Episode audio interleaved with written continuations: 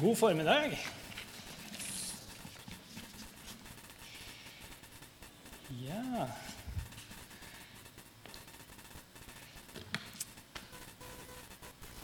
Her var det jo noen kjentfolk, da, men jeg tenkte jeg får si litt om meg selv. For de som ikke kjenner meg, så heter jeg Øyvind Karstad. Jeg er gift med Ann-Kristin og har to flotte jenter som sitter nede og ser på kino. Eh, og til daglig så jobber jeg med musikk. Det her er litt, sånn, litt utenom det vanlige, da, at jeg skal komme hit og preke. Men eh, vi er altså en del av menigheten her og har vært det faktisk ti år nå eh, i vår, så vi har et lite jubileum. eh, og har ellers også vært med i ledelsen for menigheten her i en del år. Og, og akkurat nå så leder jeg en bibelgruppe for menn. Så beklager til dere som ikke får være med der. Men det er veldig flott å se da, at det var så mange her i dag på siste gudstjenesten faktisk før, før vi tar skikkelig sommerferie her på huset. Så det var, eh, det var hyggelig. Og så ser jeg jo her Jeg har fått sånn eh, flott program da, av Christian, og da ser jeg jo, vi er faktisk sånn ti minutter før skjema, da, så da kan jeg legge på litt sånn ekstra på preken i dag. Nei, vi, vi, vi får se. Der har det kommet opp et ord, vet dere. Skal se om det Ja, ok. Se der, ja. Det funker.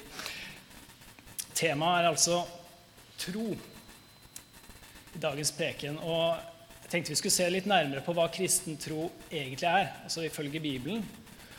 Også kanskje noen eksempler på hva det ikke er. Eh, for jeg tror det ofte kan råde en del forvirring. Eh, men eh, først så la oss bare be en liten bønn. Kjære far, takker deg for denne dagen her. Jeg vil legge gudstjenesten og, og den preken her i dine hender. Jeg ber for, for, meg at jeg kan få legge fram ditt ord på en god måte. Og så ber jeg for oss alle at, at vi skal, skal, ha åpne hjerter og åpne ører for det du vil si til hver enkelt av oss i dag. Amen. Yes, så Før vi etter hvert skal sirkle oss mer inn på hva tro faktisk er, da, i et bibel, bibelsk perspektiv, så, så, tenkte jeg vi skulle se på noen eksempler på hva det ikke er. For litt av problemet som vi har på norsk når vi skal snakke om kristen tro, det er hvordan ofte ordet tro brukes i dagligtalen. Det er jo litt sånn Ja, jeg tror det. Men jeg vet ikke, altså.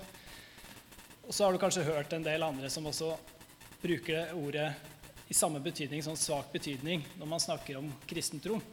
Ja, det er jo bare noe du tror. Egentlig underforstått at det er nærmest ren gjetning, eller kanskje helt vilkårlig. Eller kanskje direkte irrasjonelt. Så kort fortalt en blind tro. En litt mildere variant finner vi jeg måtte slå opp i Store norske leksikon.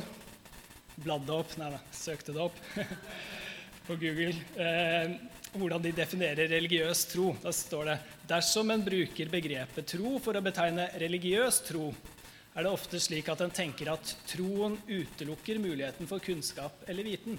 Med andre ord at troen dekker de områdene av livet der en ikke kan ha kunnskap eller viten. Men stemmer det at kristen tro per definisjon er en blind tro? Da tenkte jeg kanskje vi kunne høre med noen av de aller første kristne hva de hadde å si om saken. For Lukas, som har skrevet en av de fire biografiene eller evangeliene vi har om Jesus, han innleder sin beretning slik.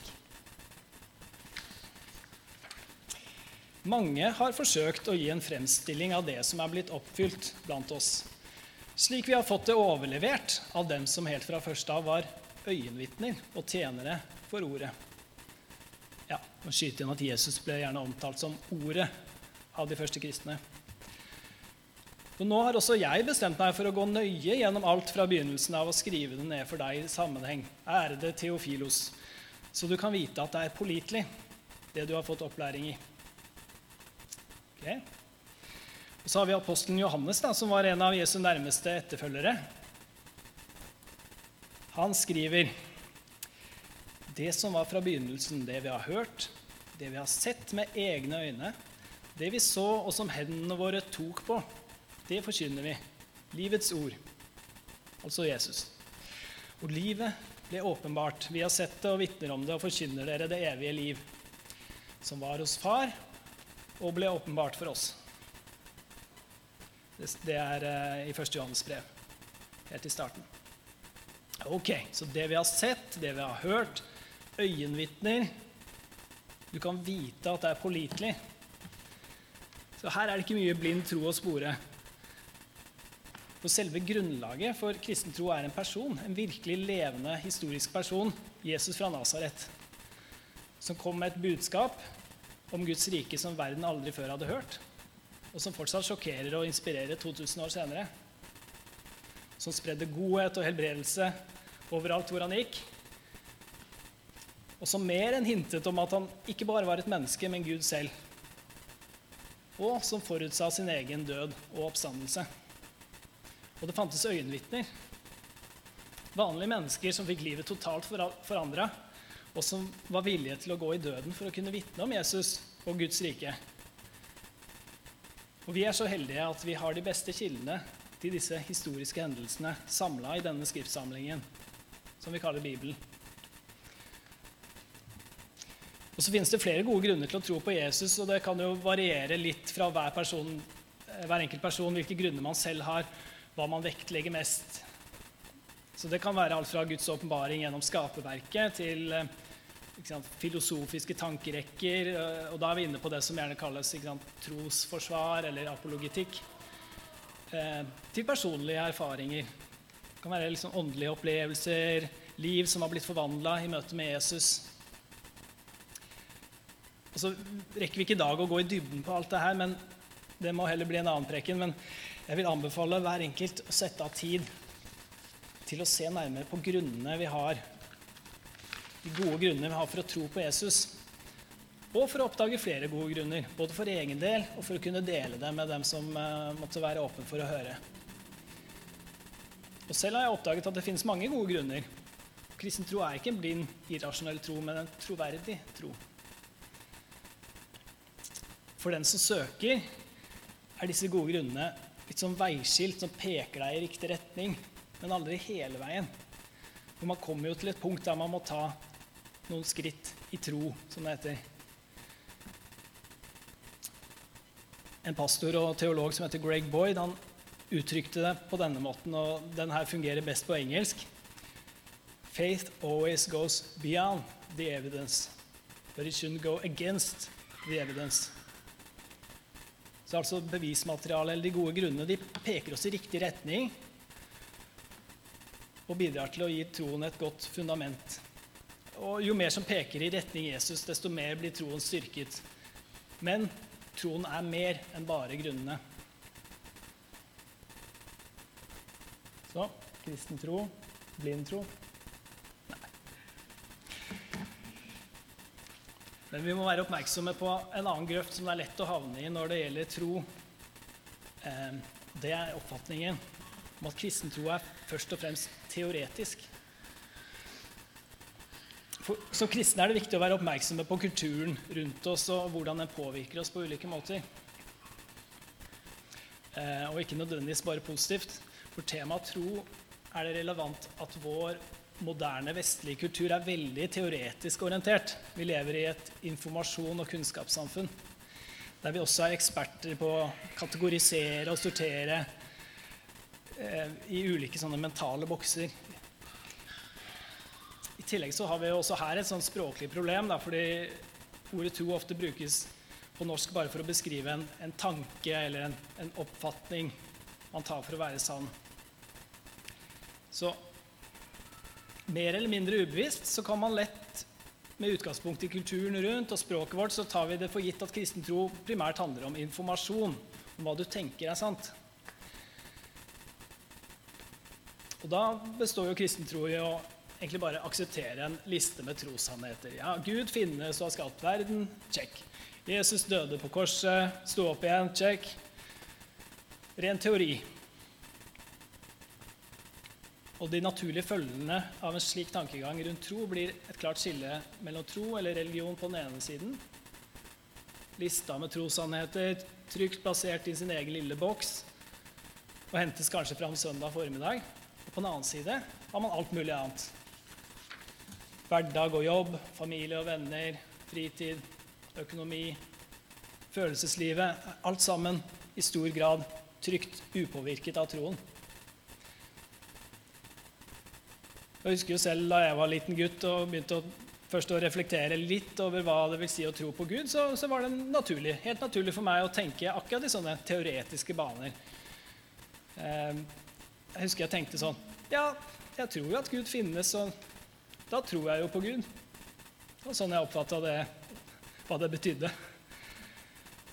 Og jeg kan ikke huske om jeg på den tida hadde forsøkt å eller om noen hadde for, forsøkt å forklare meg da, hvordan ordet tro faktisk brukes i Bibelen. Eh, og det tok nok litt tid før jeg faktisk oppdaget at Bibelen faktisk direkte motsier en slik, slik definisjon av tro. At tro på Gud ganske enkelt er å tro at han finnes. For Jakob, som var Jesu egen bror og en av de første lederne for menigheten i Jerusalem, han bruker nettopp dette som eksempel faktisk, når han kontant avviser en sånn rent teoretisk oppfatning av kristen tro. Og han skriver nærmest litt sånn sarkastisk Så du tror at Gud er én? Det gjør du jo rett i. Men også de onde åndene tror det, og skjelver. Skal vi komme litt tilbake til Jakob senere. Men, men vi skjønner jo at kristen tro da det innebærer jo naturligvis oppfatninger av hva som er sant, men den går tydeligvis lenger enn som så.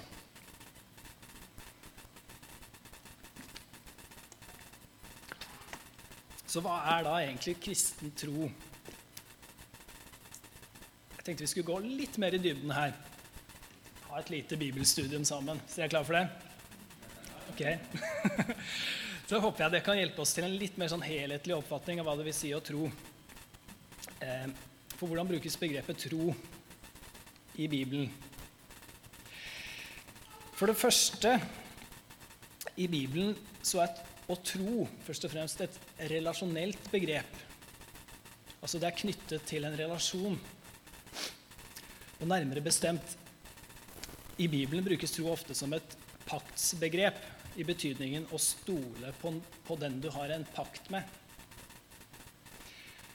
Ok, Her kan det være lurt å kanskje bremse litt, for eh, selv om ordet pakt faktisk stadig dukker opp i Bibelen, så, så er det kanskje sjelden i bruk sånn i dagligtalen for de fleste av oss.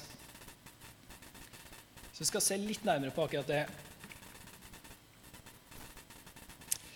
En pakt det er en form for hellig overenskomst, en, eller en avtale, da, med gjensidige rettigheter og forpliktelser og i gammel semittisk kultur, altså det som utgjør bakteppet for, for bibeltekstene, så utgjorde paktene faktisk grunnlaget for alt fellesskap og samfunnsliv.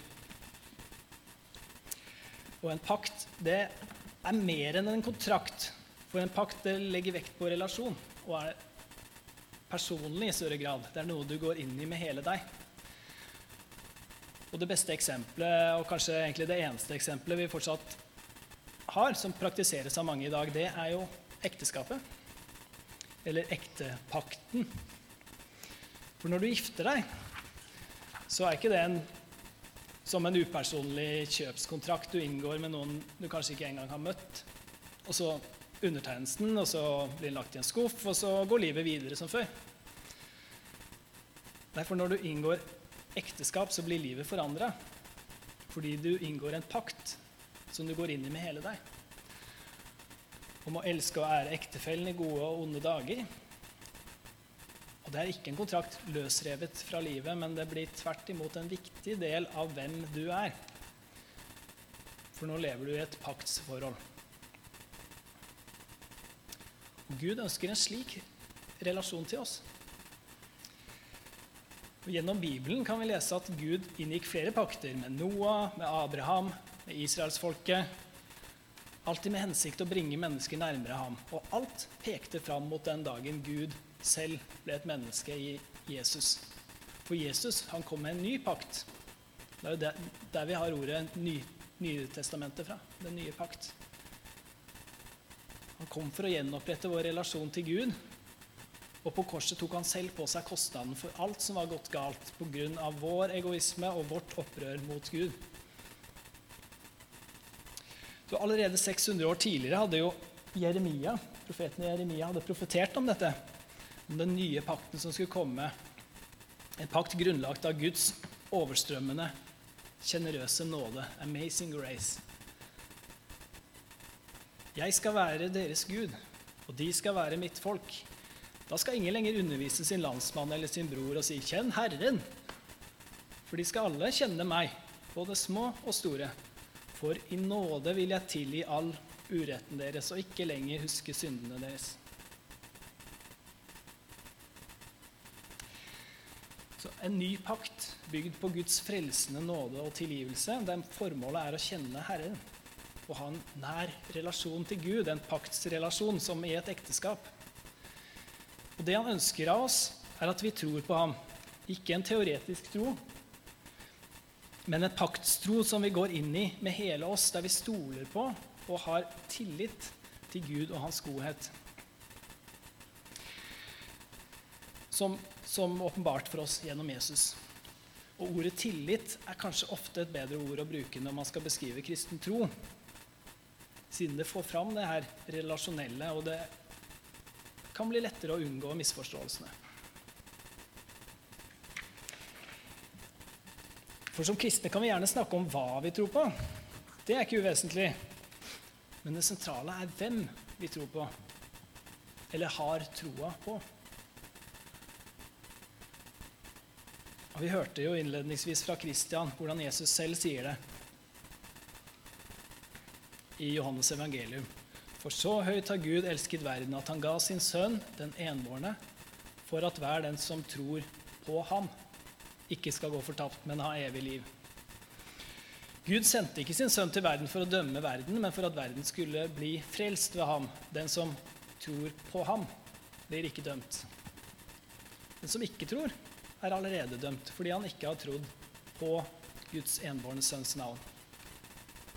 Så det avgjørende er hvem vi har troa på, hvem vi har tillit til. Og Jesus er verdt vår tillit.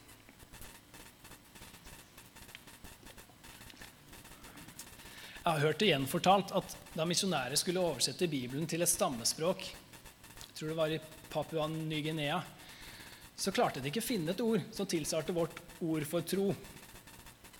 Og det kunne de kanskje være glade for, da. Dere vi har hørt hvordan tro ofte blir oppfatta som rent teoretisk i vår kultur. For det disse bibeloversetterne endte opp med, det var visstnok å bruke et ord som hadde betydningen å lene seg på noe eller noen med hele sin tyngde. Så da får vi altså Gud ga sin sønn for at hver den som lener seg på ham med hele sin tyngde, som lener livet sitt på ham, skal ha evig liv. Flott. Jeg kom til å tenke på en gang da eldstejenta vår, Miriel, var litt yngre. Jeg tror det var før hun begynte på skolen.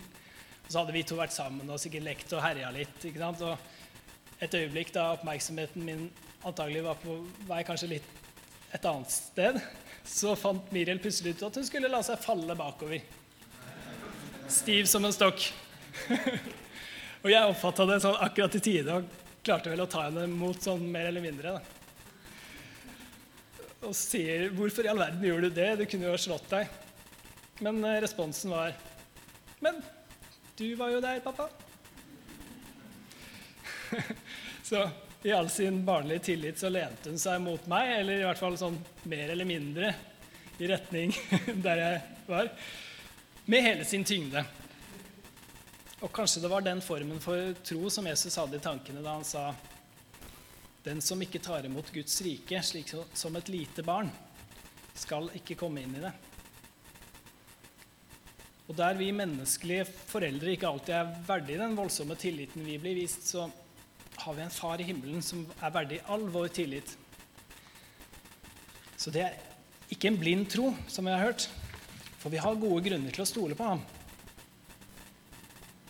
Men i vårt forhold til Gud kan troen gjerne få sitt uttrykk i form av en barnlig tillit. der vi får lov å lene hele livet vårt på vår himmelske Far og stole på Hans nåde og godhet.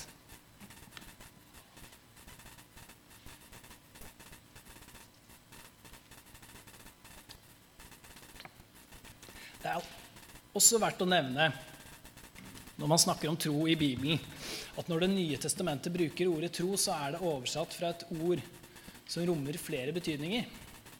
Så foruten tillit kan det faktisk også bety troskap eller lojalitet.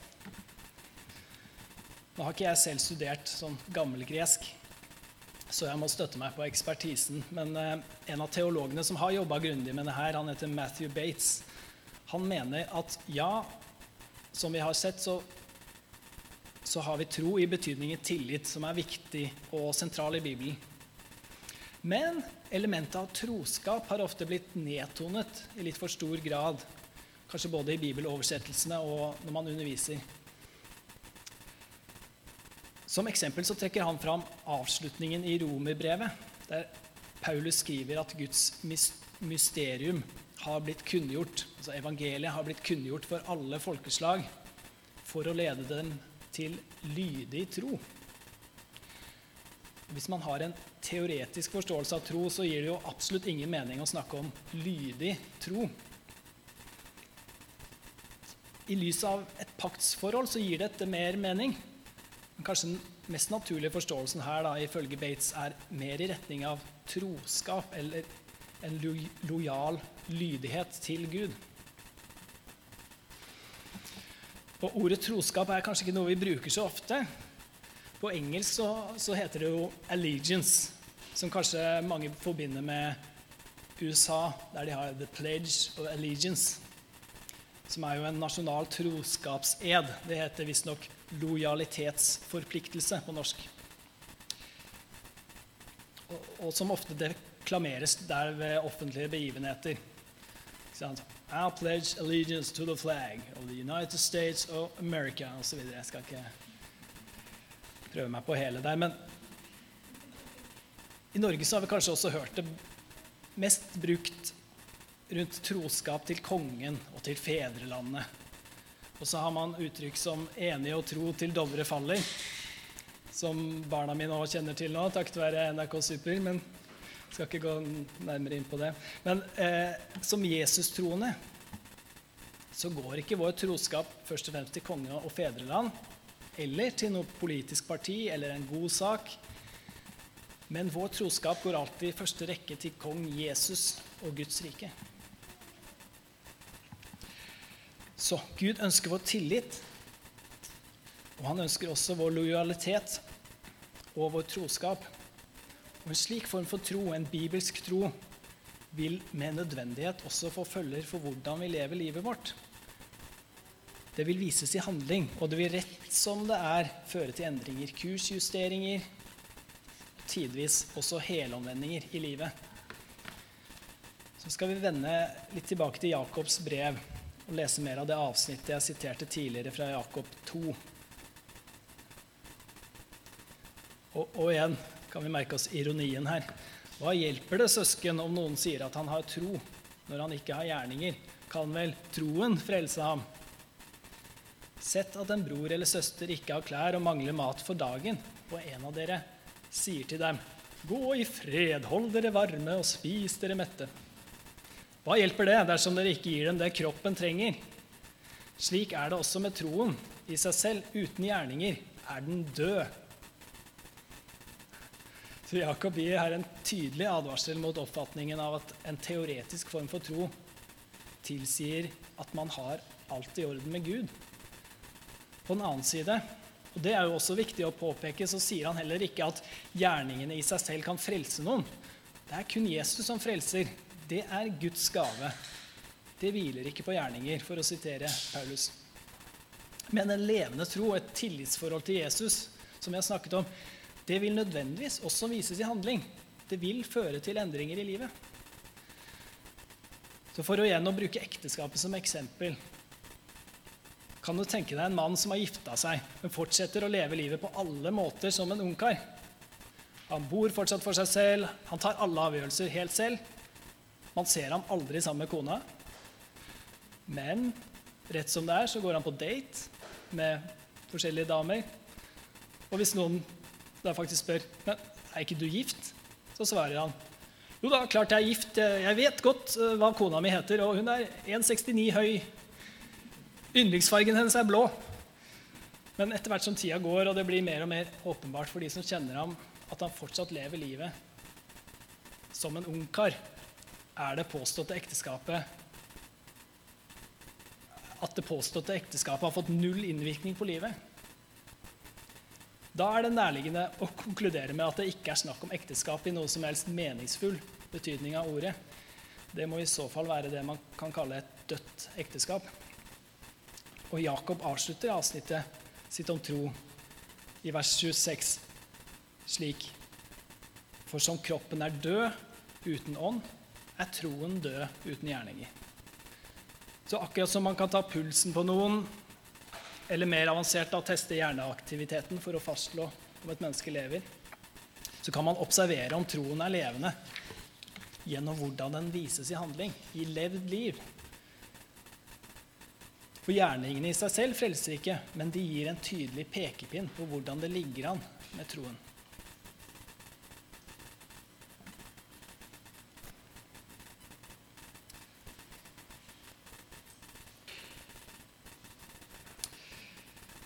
Så konklusjonen blir det er lite som lukter ren teori når Bibelen omtaler tro. Fokuset er i stedet på tillit, på relasjon paktsforholdet til Gud, på troskap og lojalitet som vises i levd liv.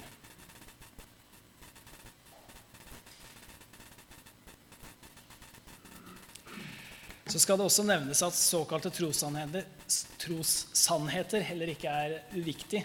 For Gud vil naturligvis at vi skal tenke rett om ham, snakke rett om ham. Så rett kunnskap om Gud, rett teologi, er viktig. Men det erstatter jo ikke relasjonen. Det bør jo heller springe ut av forholdet vårt til Jesus. Og kanskje særlig de av oss som har en personlighet som trekkes litt mot kunnskap, kanskje å studere, reflektere, bør være ekstra oppmerksomme på faren for at kristenlivet kan stivne i teori. Til slutt så skal vi ganske kort ta for oss en siste feiloppfatning av hva tro er. Blant noen kristne kan det være en idé om at hvis du virkelig har tro, utelukker det enhver form for tvil. Ekte tro defineres som å være 100% mentalt overbevist om at noe er sant. Så Derfor er man gjerne også livredd for all slags tvil, siden det oppfattes som en motsetning til tro. Og det er som kjent den som tror, som skal bli frelst. Så i møte med usikkerhet og ubesvarte spørsmål blir taktikken fort å forsøke å ignorere det eller undertrykke det. Klamre seg fast i skråsikkerheten. Dette kommer litt i ulike varianter, men ofte kan det henge sammen med forrige punkt. En teoretisk form for tro, der du har en liste med trossannheter som du tviholder på, og gjerne en lang liste. Og Det viktige er at du er helt sikker på at du har helt rett på alle punkter, ned til minste detalj. For frykten er at hele korthuset faller sammen hvis bare ett av kortene trekkes ut. For En slik oppfatning av hva det vil si å tro, det kan være veldig ødeleggende for kristenlivet. For når frykten for tvil og usikkerhet driver oss, da legger det ikke akkurat til rette for et disippelliv der man kan modnes og lære over tid. Det stenger oss også av fra gode og åpne samtaler om tro med de som har andre synspunkter enn oss. For man er jo redd for uenighet og motstand, for det kan skape tvil. Og ikke minst har disse mentale korthusene en tendens til å faktisk, samme, faktisk falle sammen etter hvert, når undertrykt tvil og ubesvarte spørsmål har tårnet seg opp over, tvil, over tid. Og om man da fortsatt har et element av en sunnere form for tro, så er det jo en stor fare for at den blir revet med i fallet. Så løsningen blir igjen å flytte hovedfokuset fra hva vi tror på, til hvem vi tror på. For tro er ikke en form for mental prestasjon. Nei, Vi må tilbake til tillit. Tillit til Gud og Hans nåde og godhet. En tillit man kan hvile i. Og Når troen er knyttet til en relasjon, er det også rom for tvilen og spørsmålene når de dukker opp. Vi kan komme med alt til Gud, si det som det er, slik vi ofte ser det uttrykt i bl.a. Salmenes bok, Jobbs bok. Og vi kan få si det som mannen som kom til Jesus med sitt desperate behov og ropte 'Jeg tror. Hjelp meg i min vantro.' En desperat tillit til Jesus uten spor av egen prestasjon. Og vi kan få erfare at frykten drives ut i møte med den fullkomne kjærligheten.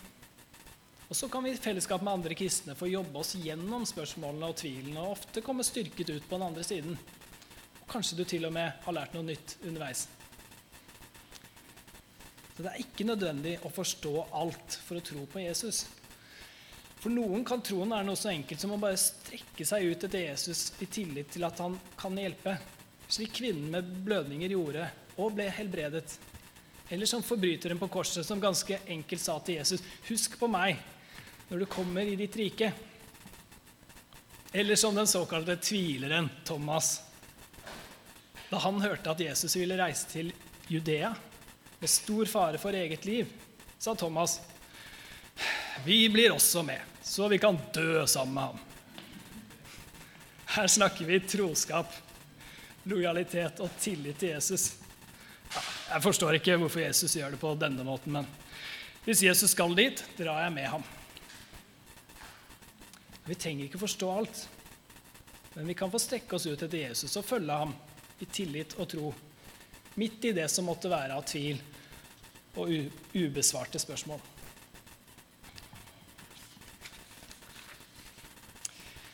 Så Jeg har lyst til å avslutte med at vi leser trosbekjennelsen sammen. Det er ikke altfor ofte her i kirka. Den apostoliske trosbekjennelsen den går tilbake til kirka i oldtiden, i hvert fall rundt år 200. Den ble trolig brukt i forbindelse med dåp i menigheten i Roma. Den oppsummerer jo en del viktige trossannheter som er bra i seg selv. Men vi skal prøve nå å ikke se på det som en teoretisk sjekkliste. I stedet for alle som ønsker det. La oss si det som en personlig erklæring av hvem vi setter vår lit til. Hvem vi har tro på, hvem vi stoler på. Ikke først og fremst 'jeg tror at', men jeg tror på Gud Fader. På Jesus Kristus og Den hellige ånd. Og hvis du ønsker det, så la det også bli din pledge of allegiance. Et troskapsløfte, et uttrykk for et ønske om å være lojal til vår konge og frelser, med Guds hjelp. Jeg vil være tro mot Gud Fader, osv. Vi reiser oss.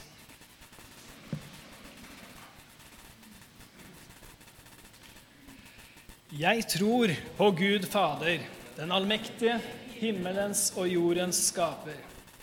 Jeg tror på Jesus Kristus, Guds enbårne Sønn, vår Herre, som ble unnfanget ved Den hellige ånd, født av jomfru Maria pint under Pontus Pilatus, korsfestet, død og begravet, for ned til dødsriket, sto opp fra de døde tredje dag, for opp til himmelen, sitter ved Guds den allmektige Faders høyre hånd, skal derfra komme igjen for å dømme levende og døde.